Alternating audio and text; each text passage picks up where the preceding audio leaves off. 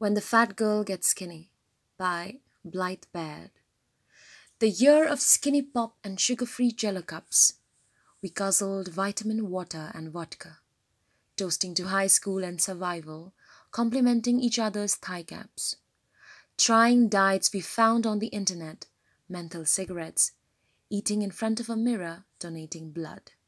Replacing meals with other practical hobbies like making flower crowns or fainting wondering why I hadn't had my periods in months, or why breakfast tastes like giving up, or how many more productive ways I could have spent my time today besides Googling the calories in the glue of a US envelope.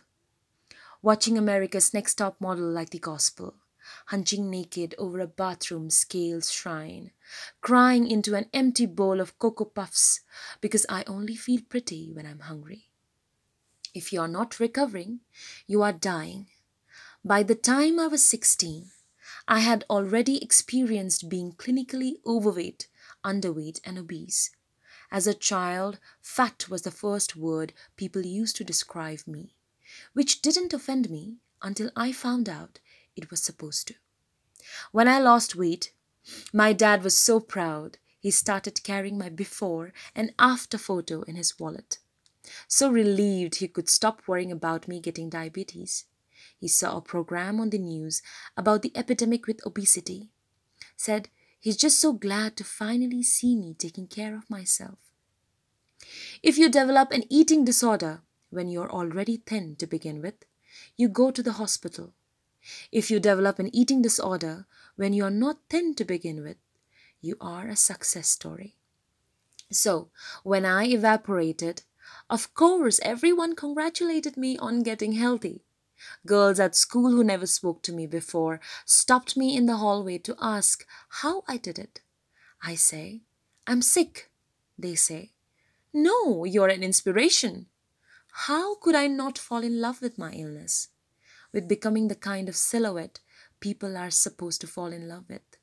Why would I ever want to stop being hungry when anorexia was the most interesting thing about me. So, how lucky it is now to be boring. The way not going to the hospital is boring.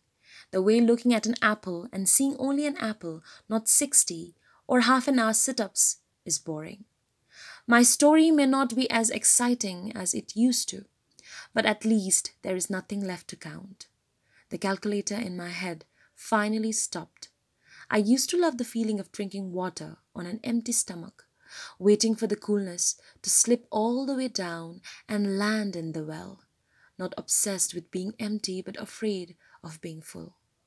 I used to be proud when I was cold in a warm room. Now I'm proud. I've stopped seeking revenge on this body. This was the year of eating when I was hungry without punishing myself. And I know it sounds ridiculous, but that shit is hard.